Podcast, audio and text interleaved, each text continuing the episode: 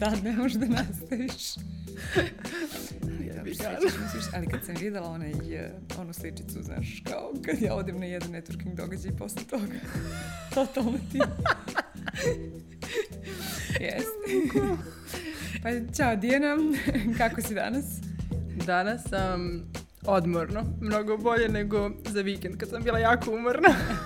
E pa baš mi je drago. Ovi, da, o tome smo i, i pričale, ovi, kako ti posle napornog perioda potrebna da malo pauze, pa drago mi je da si danas bolje. Da, i meni je, tako da mogu da prenesem neku energiju, da ne budem kao uspavani mali buda. Dobro, dobrodošlo u uh, podcast Kako si na poslu sa Anom i Vesnom. Uh, ovo je mesto gde pričamo o tome kako da budemo dobro dok dobro radimo svoj posao i mislim da si nam ti savršen gost za tu temu. Hvala na pozivu i radujem se da razgovaramo na ovu jako važnu temu.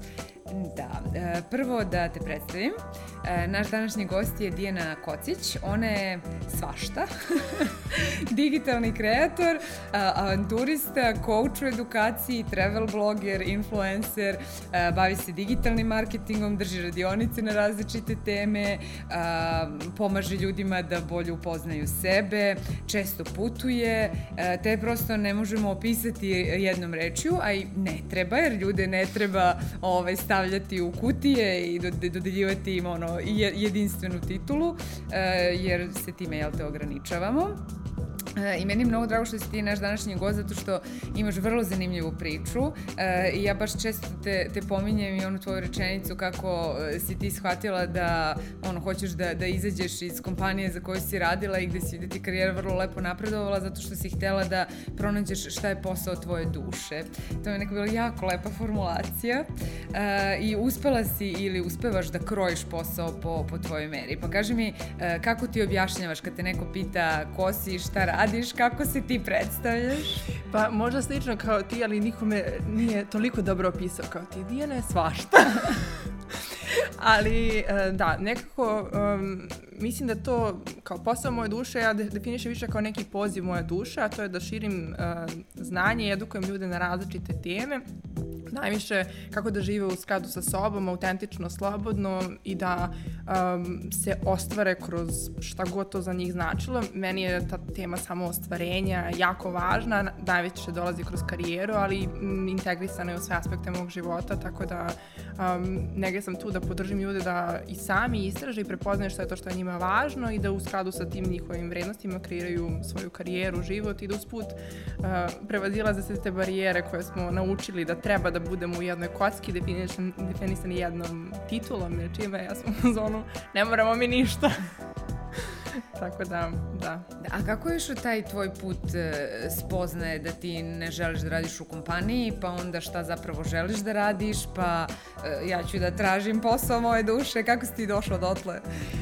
Pa sve je um, krenulo tako što sam um, pre već četiri godine um, skontala da bih volala da ispunim jednu od svojih velikih životnih želja, a to je bilo da se penjem na Himalaje. E sad, uh, to je taj moment moje, uh, povezivanja s mojom dušom, da ja stvarno u sebi imam nekih pa dvadesetak želja koje ta žuta duša želi da ostvari kroz ovaj život i koje sam ja tako čula, ali su mi na početku bila jako šokantne i onda sam bila ono, ko je ovaj glas u meni i šta on želi, znači kakve Himalaje i kakve ono, ludosti.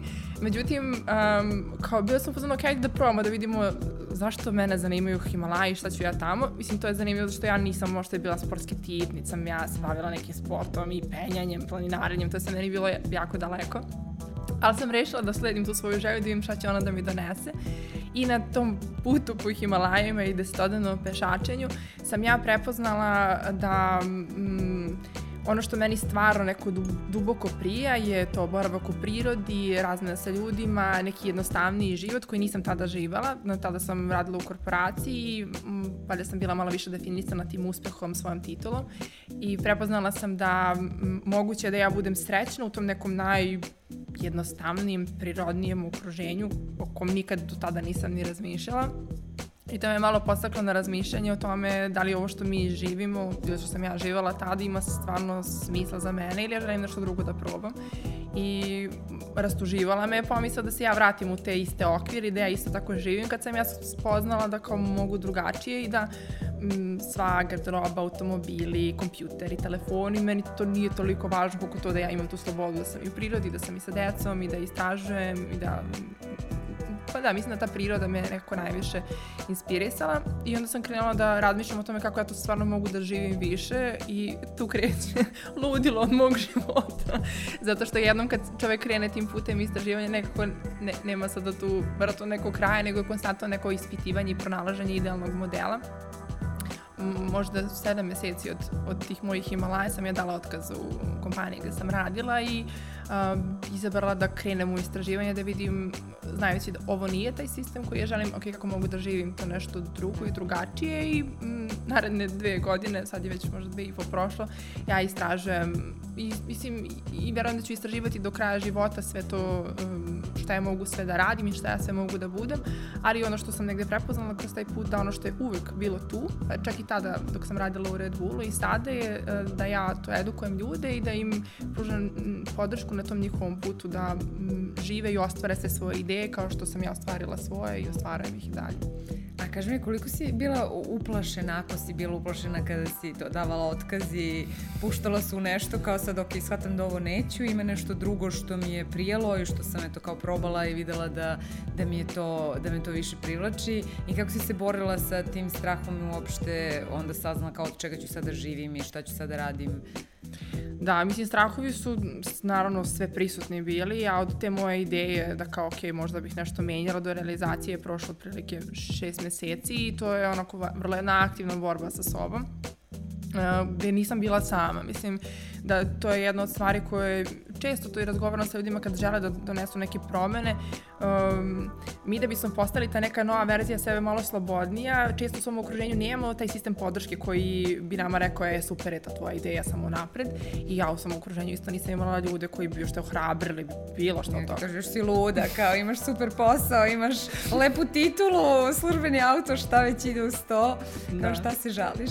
Da, ja se sećam kad sam mami moja rekla prvi put kao to, ja bih žala da dam otkaz i da idem malo Afriku da volontiram i da vidim šta ću dalje. Žena počela da plače i nije pričala samo tipa dve nedelje, njoj je to bilo kao, znači, neke što desilo s tvojom glavom, dakle ti te ideje. Ali da, do, kažem, dosta sam se susretala sa strahom, najviše mi je bio taj strah hoću li preživeti i kao od čega ću da živim nakon tog svog iskustva volontiranja koje sam želela da imam umeđu vremenu. Uh, tu mi je podor, uh, jako pomogao rad sa koučem. Imala sam svoju koučicu Martinu koja mi je sad drugarica i sa kojom sam baš neko radila na prevazilaženju tih mentalnih barijera koje sam imala koji bi me kočile. Jer mi se nekad, mislim, najčešće ti naši strahovi su vrlo mislim, iracionalni. Kad sagledamo nekako realan svoj život što smo sve prevazišli, velika je verovatnoća, mislim, barem za mene bila tad kao neću umreti od gladi, mislim, toliko toga sam radila i, i, i, i imam veština da ne mogu sada, a, ako sam dala jedan otkaz, to ne znači da neću moći da radim drugi posao, ali ipak, mislim, ti strahovi su nekako preogromni u tim trenucima i za mene bili ali nešto što me taj proces naučio je da su strahovi tu um, da nas na neki način zaštite, ali da je jako važno da ih čujemo, učimo od njih, vidimo šta pokušavaju da nam kažu i da na neki način razvijemo kroz taj put um, promene, karijere, životnog poziva puta, da razvijemo u sebi taj podržavajući glas i ojačamo tu verziju sebe novu koja tek treba da dođe da mm. zauzme neki svoj novi tron u kom god obliku to bude. Da, to nam je zapravo super šansa za, za razvoj. Da, baš tako. Da, a reci mi otkud e, baš Afrika i čemu te to iskustvo naučilo? I zašto ti nije palo na pamet da ideš, ne znam, negde bliže, negde drugde? Ja to ne, ne umem ni da objasnim, zato što stvarno te želje moje duše, ja njima ja nemam objašnjenje. Mislim, to stvarno, ja ne, ne znam. Znači, da li sam bila inspirisana Angelinom Jolie i njenim afričkim misijama, ali bukvalno sam znala to. Imala sam ideju, volila bih da uh, radim sa decom i da volontiram u nekoj afričkoj zemlji, da vidim šta će mi to iskustvo doneti. Opet sam imala osjećaj nekako da, da ću na taj način bolje upoznati sebe i da je to nešto za mene. Putovanja jesu uvijek bila deo mog života i na njima sam neko e, doživljavala najveće transformacije, najviše učila o sebi, tako da sam mislila i tada, ok, ako odem u Afriku, skontat ću nešto. i uh, sad izbor zemlje, to je sve rekao posle išlo spontano. Meni nije bilo toliko važno gde će to biti, nego kao neko najbezbolnije i najbezbednije egzistencijalno za mm -hmm. mene kao ženu u nekoj tamo dalekoj zemlji. A o čemu te je to iskustvo naučilo? Um, pa dosta me je naučilo tome, opet šta je meni stvarno važno, da se vratim na to obrazovanje i na decu, uh, jer sam tamo došla da bi bila učiteljica u jednoj školi, to je učiteljica nego asistent učiteljica, a, i njoj pomagala oko, oko engleskog, međutim na kraju ja sam završila tako što sam pokrenula kampanju za renoviranje škole, bavila se um, rekonstrukcijom sobe za kompjutere i videla sam u sebi neku strast da radim nešto o čemu nisam imala ni pojma, niti sam niti se ikad bavila fundraisingom, niti sam ok, obrazovanje meni bilo važno, ali sam prepoznala ako sam ja bila toliko hrabra i luda da ja pokrećem kampanju za renoviranje škola u Africi dok sam tamo i sama, shvatila sam kao to je nešto što je mom srcu stvarno blisko i bitno. I dovela me do toga da sad, mislim, sve neke stvari koje ra radim i kroz život i kroz svoju karijeru se opet uh, usmeravaju prema tom obrazovanju i mogućice što većem broju ljudi da uči na neki zanimljiv, zabavan način. Deca sad u Africi mogu da imaju pristup kompjuteru, pa mogu isto da uče svetu na neki kreativni način nego možda što je uh, kroz knjige. I um, da, mislim, naučila sam da imam u sebi neku snagu koju nisam znala da imam. Ja stvarno, ne, meni je bilo nejasno dakle meni hrabrosti za tako nešto, ali mislim da to kad se spoji, kad nešto teče, kad nešto imamo u sebi, samo traži tlo da se to neko digne i da se realizuje. Ove, da, i onda kada jednom uradiš nešto što ti je tako ono, strašno i strano i čudno i kao ne znam kako ću ovo, ali ajde, onda zapravo naučiš da možeš i svaki da. sledeći put. E, da, i mnogi ljudi e, se to i dalje možda traže i rade neki posao, nisu sigurni da li ja ovaj posao uopšte volim, da li sebe ovde vidim za godinu, dve, pet ili gde uopšte vidim da. sebe. Da. E, šta je tebi pomoglo dok si se ti to tražila šta da radiš i šta je, na primjer, nešto što bi ti mogla da, da savetuješ ili da, ili da daš kao, ne znam, kriterijume kojima si se vodila ili na koji način si ti ono kao učila da nešto nije za tebe i onda shvatala šta jeste, pa jel te skupila hrabrosti da to i probaš? Mislim da je jako važno da imamo to neko vreme za sebe i za neko istraživanje sebe, bih to rekla intuitivno, da stvarno damo sebi ono vremenske periode, to možda bude 2-3 sata kad ćemo raditi tako nešto samo što nam dođe u trenutku i ti trenuci su meni jako značajni čak i sada, ono da izađem na ulicu i kao, kao ovako odvojim 3 sata i pitam se ok, šta se meni sada radi? I da idem gde, gde mi se ide baš u tom trenutku i da se, da se prosto pustimo nekom tom toku i nakon tih 2-3 sata da sednemo i da vidimo gde smo mi zapravo želeli da budemo, šta je ono što smo mi radili, šta nas je inspirisalo, prema čemu smo bili pokrenuti i da onako obzerviramo malo tu situaciju jer niko nas to nije naučio naučio, da prosto malo bliže vidimo ko smo mi. Mislim da nas sistem obrazovanja dosta uči da kao završamo zadatke, nešto reprodukujemo neko znanje, a ne toliko da budemo u kontaktu sa sobom i da vidimo zapravo šta je neka stvarna priroda. Uh, to je jedna stvar, a druga je um, da istražujemo stvari koje su nam vra, važne, koje su vrijednosti, koje su nam ključne. I to je nešto što sam ja relativno kasno otkrila, mislim možda prvo oko pet godina kad sam bila na NLP edukaciji baš, da sam se ja prvi put zapitala ono što je ono što definiše, uh, što je ono što je meni važno za svaku moju odluku da, um, da, da proverim da li ima, da li je u skladu sa mojim vrijednostima i um, kad sam prepoznala šta je to što je meni važno, znači primjer radi sloboda i učenje i mir i zabava, onda ja sad mnogo lakše uh, biram stvari i lakše definišem bilo da je to sada um, partnerski odnos ili je to poslovni odnos ili je to prijateljski odnos ili je to dom, znači bukvalno imam kao reality check, ok, da li je to mesto gde se ja osjećam slobodno, da li je to mesto ili osoba sa kojom učim, da me to zabavlja, da se osjećam u miru i ako to sad sve ispunjava te mhm. kriterije, to jeste za mene. Ako nešto to nije, onda tražim nešto drugačije, jer mm, to je nešto što je mm. meni važno i postoji sigurno način da se te moje vrijednosti nekako realizuju kroz odluke. Da, znači zato je jako važno upoznati sebe i, i znati tačno šta nam odgovara, šta ne, jer onda upadnemo u taj, kao što si rekla, krug da radimo ono što bi trebalo, ono što se da. smatra poželjnim, ono što drugi smatraju da i očekuju od nas s obzirom na to šta radimo. Lepo. A reci mi, pošto ti dosta putuješ i, i sama si rekla da ti taj ovaj put u Afriku e, bio trigger da, da onda posle toga menjaš dosta stvari, koliko su e, putovanja i lični razvoj povezani?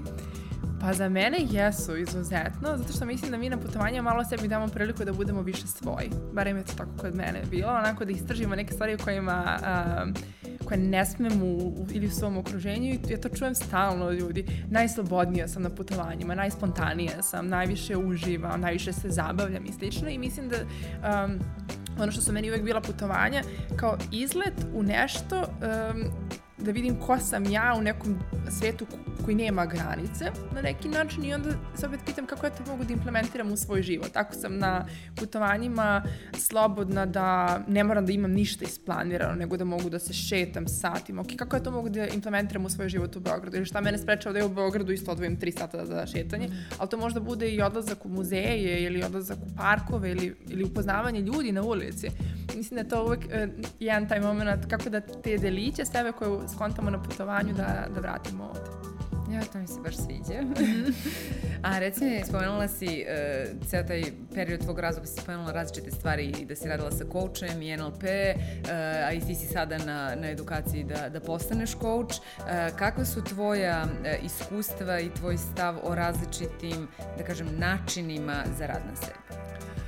Mislim da je jako važno da isprobavamo. Kod mene je uh, taj moment eksperimentisanja vrlo značajan i um, ja često kažem, ja sam, ja sam samo i sebi najveći eksperiment. Ja sam probala pa na 30 pristupa do sada i volim to zato što ne volim to da moramo da se neko jednodimenzionalan pristup.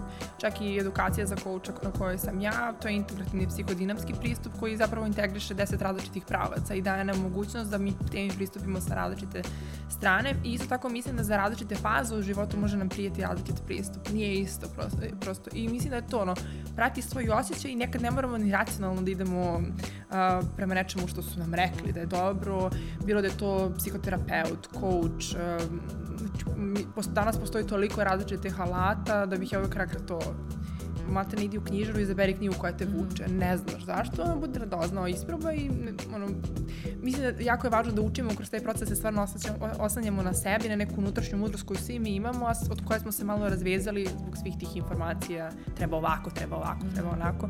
I što je uvek kažem, mislim da je važno da niko nas nije uči da razmišljamo svojom glavom. Svi nas uče da sledimo neke knjige i, i udžbenike. Da, šta, se, šta bi da. trebalo i šta se očekuje. Da.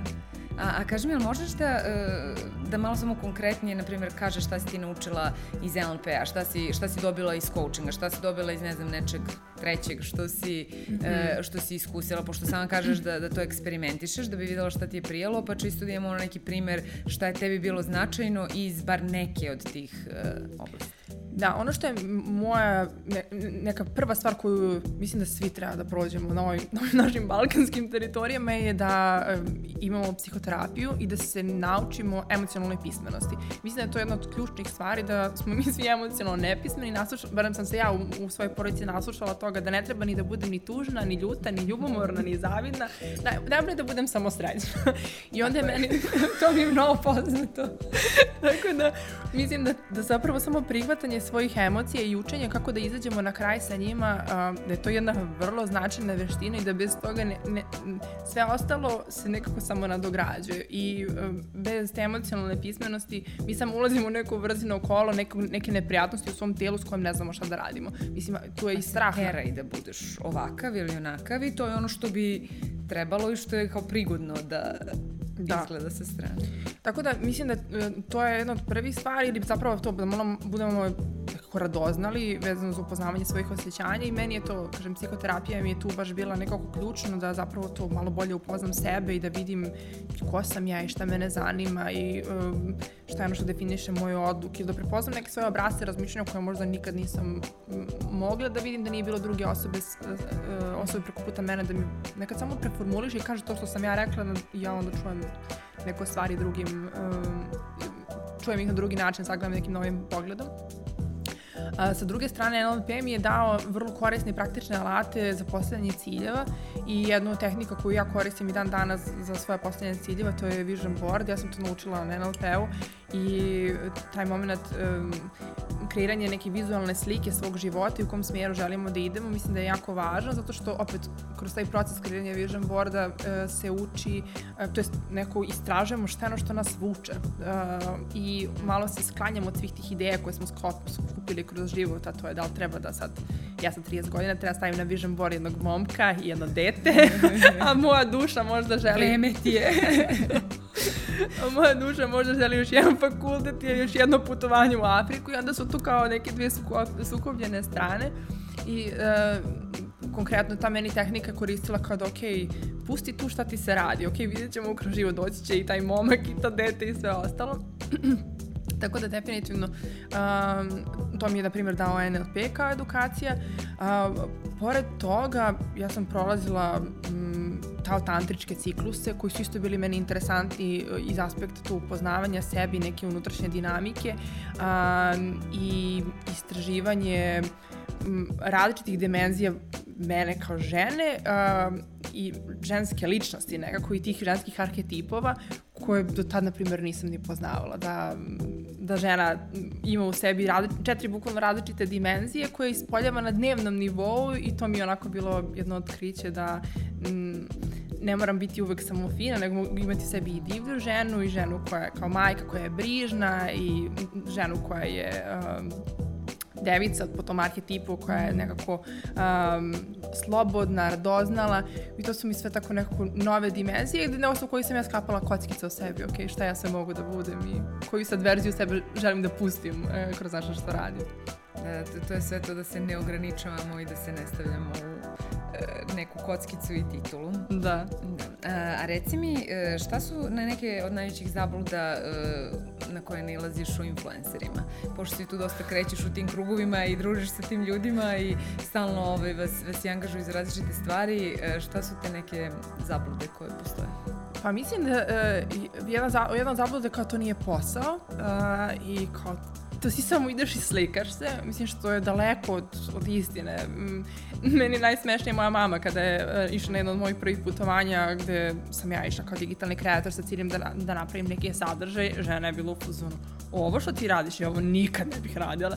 Jer prosto iza svega toga što ljudi vide na društvenim mrežama stoji jako puno rada od uh, preslačenja, osmišljavanja, šta ću, šta ću obući. Nekad um, ono, dođem nakon cijelog dana istraživanja, e, sednem i pišem tekstove, istražujem, promišljam. S druge strane, da bi bila kreativna, treba mi da budem u miru. Ako sam na putovanju i sto informacija imam, kakav mir. Znači, to je sve jako onako dinamično i mislim da taj moment e, često ljudi ne vide i misle kao to je sad sve lako a s druge strane um, mislim da ne vidi tu, i tu neku dimenziju um, samo izlaženje u javnosti um, da, da postaneš na neki način javna ličnost je vrlo strašno i s jedne strane mislim ja mogu kažem iz svog ugla um, da imam potrebu da izrazim svoju kreativnost i da dam svoj neki doprinos toj digitalnoj sceni i da edukujem ljude na neke teme, ali to je i dalje znači da sam ja samo čovek koji se ono nije mi prijatno uvek eh, da čujem i neke negativne komentare ili da dobijem neku informaciju koja nije možda u skladu sa mnom.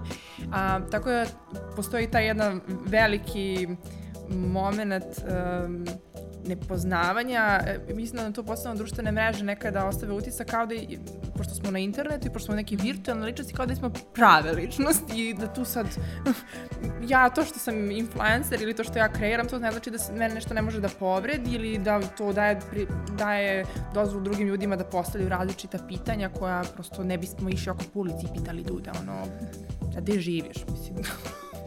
zašto je to važno, na primjer.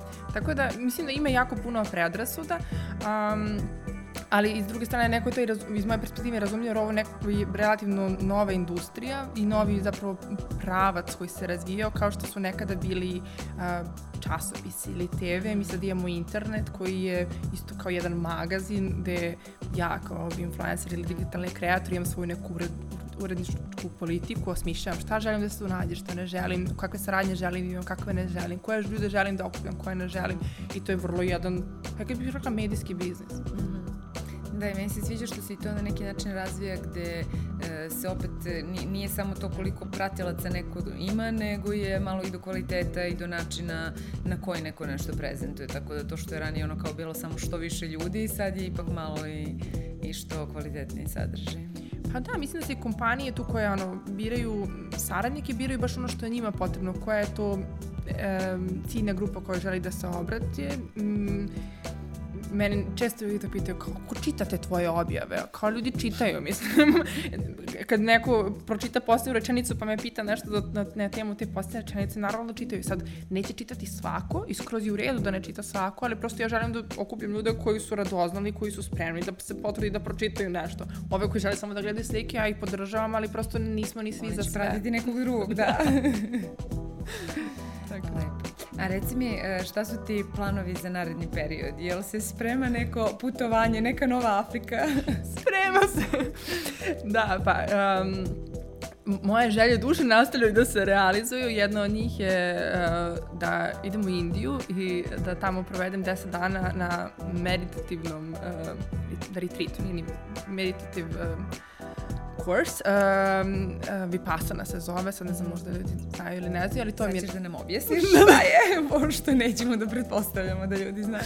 da, um, Vipassana je to kurs uh, desetodnevne meditacije gde su ljudi izolovani od strane spoljnog sveta, nemamo priliku ni da pišemo, ni da razgovaramo, um, niti da budemo u kontaktu, ni na koji način, ni da čitamo ništa, ništa, ništa. Bukvalno 10 dana meditacije. Um, gde sam posvećen i opet sebi i povlačenju unutra i upoznavanju sebe um, ili šta god da nam je važno da to iskustvo nam donese. To je isto jedna od stvari koju ja tako imam, u, u, imam želju da doživim. Ne znam zašto i to opet sad nailazim na ta pitanje. Što? Zašto bi neko probao 10 dana ćuteći? Ja, ja sam, no, ne sam radoznala, baš me zanima kako ću se vratiti, što će biti nakon toga.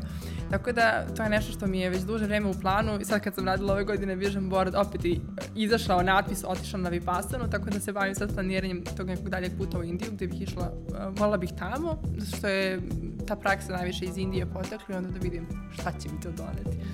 Da, a, uh, možeš da kombinuješ putovanja sa poslovima koje, koje radiš ovdje? Pa da, i to mi je bila ideja i kad sam davala otkaz i kad sam kreirala taj neki svoj životni stil, bilo mi je važno da mogu da se usklade sa sve moje potrebe i jedna od tih potreba jeste da mogu da putujem i da radim i za sada moj posao je takav da 90% mm, stvari mogu da radim dok sam na putovanjima, postoji dalje neke stvari za koje je važno da budem u Beogradu, ali se tako organizujem da budem određen broj dana u Beogradu, da ostatak budem slobodno, da budem da god želim. Da, to, to mi se baš sviđa zato što je, je odlično, naj, najbolje vidimo da je nešto moguće i da možemo da zapravo to kreiramo svoju karijeru onda kada vidimo da su i drugi ljudi to uradili. Jeste. Mislim i to je meni nekako i važno da pričamo što više na ove mm. teme, zato što um, ja nisam znala da je moguće. Znaš, nije bilo, nisam imala nikoga da pitam. Ja sam imala tamo neke ljude na internetu koje ne poznajem, koji možda ni ne pričaju srpski, koji možda žive tako neki lifestyle koji ja ni ne poznajem. A, I onda mi je bilo ideja da zapravo i što više, ajde delim i svoju priču, a s druge strane da povezujem kroz različite događaje ljude i da zapravo razgovaram o tome kakve sve mi životne stila možemo da osmislimo i da ne postoji kao što su naši roditelji nekada uh, imali jedan životni stil, ala raditi i živeti, raditi u jednoj firmi 40-50 godina, nego da zapravo mi sad možemo svake godine da izmislimo iz početka novi životni stil i da se preispitamo na kraju godine, hm, mi se ovo svidelo, šta bih želela da se promeni ja, a šta bih da zadržim iz ovoga što sam radio do sada. Jeste, da, da izmislimo naše hibridne modele koji, koji nama odgovaraju to mi se baš sviđa. A kaži mi ovaj, sad pošto se bližimo ovaj kraju emisije i pošto si ti ovaj lepo to sve svašta e, isprobavala i e, prošla iskustveno i uspela da, da osmisliš jel te život kako, kako tebi odgovara i dalje ga ovaj, tako živiš i osmišljavaš. E, šta su neke, na primjer, tri najvažnije stvari koje ljudi treba da znaju ili da urade da bi e, mogli da osmisle svoj život i svoj posao tako da stvarno budu zadovoljni, da se osjećaju dobro i da, i da rade rade to što vole? Pa prva stvar bih rekla da je to važno da upoznaju sebe i da um, i da, taj, da znaju da taj proces, a to je druga stvar, da to traje zauvek. Ne postoji sad trenutak da mi, sad sam ja sebe spoznala i sad nema, nikad više neću imati ništa novo da otkrivam u sebi, ja o sebi otkrivam svakog dana, ali s druge strane da je za početak važno to malo provesti možda više vremena sa sobom, prepoznati šta je to što je osobi stvarno važno, koje su to vrednosti, um, koji je to životni stil i bukvalno možda to krenuti od jednog belog papira i reći ok, šta je ono, kad bi mi bilo idealno, šta bih ja um, želeo da ostvarim. drugo je to da znaju da je to proces i da je ovo, da taj bijeli papir se stalno menja. Znači da to što je nama nešto prijalo sa 30, ne znači da će nam prijeti sa 32 ili sa 33 i da je to neko uvek, uvek je neka nova prilika da se da se nešto redizajnira i osmisli. I e, treće bih rekla da je ono kreiranje vizije svog života um, jedna od važnih stvari da mi imamo priliku da se pustimo u to da nešto stvarno osmislimo za sebe. Mislim da nismo toliko učili, odnosno da smo malo zaboravili taj moment osmišljavanja uh, i da su svi ušli neku, ali ovako treba, ali ovako mora. I da redko ko dođe od toga, ok, šta se meni radi, ajde da nacrtamo to, osmislimo šta god to mhm. značilo, pa ćemo da vidimo kako možemo do toga da dođemo. To je jedan od pristupa koji se meni mnogo dopao. Njega su, prvi put sam ga videla od profesora sa Stanford univerziteta koji su, knjiga im se baš zove nešto How to Design Your Life i oni kažu da životu m, treba pristupati kao iz ugla dizajnera. Znači kao što dizajner napravi neki mm. prototip, onda proba i vidi kako da to funkcioniše ili ne, tako i mi imamo prilike sa svojim životom. Nacrtamo ga, onda ga probamo, onda živimo godinu dana ili dva meseca, onda, onda istestiramo, kažemo, ajde sad da neke stvari promenimo u prototipu i onda taj proces nekako uvek traje. Divno, hvala. Baš mi se sviđa ovaj, taj, taj način dizajn, dizajna svog života i taj način razmišljanja. Mnogo ti hvala što si e, bila moj gost danas i što si podelila svoju priču. Hvala i tebi i na, na razmeni, na iskusi, na prilici da pričamo oko sjajnim temama.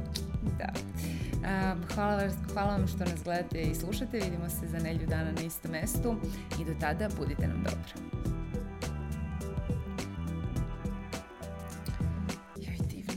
Lepo da smo imali još vremena, ali... ja sam bila sigurna.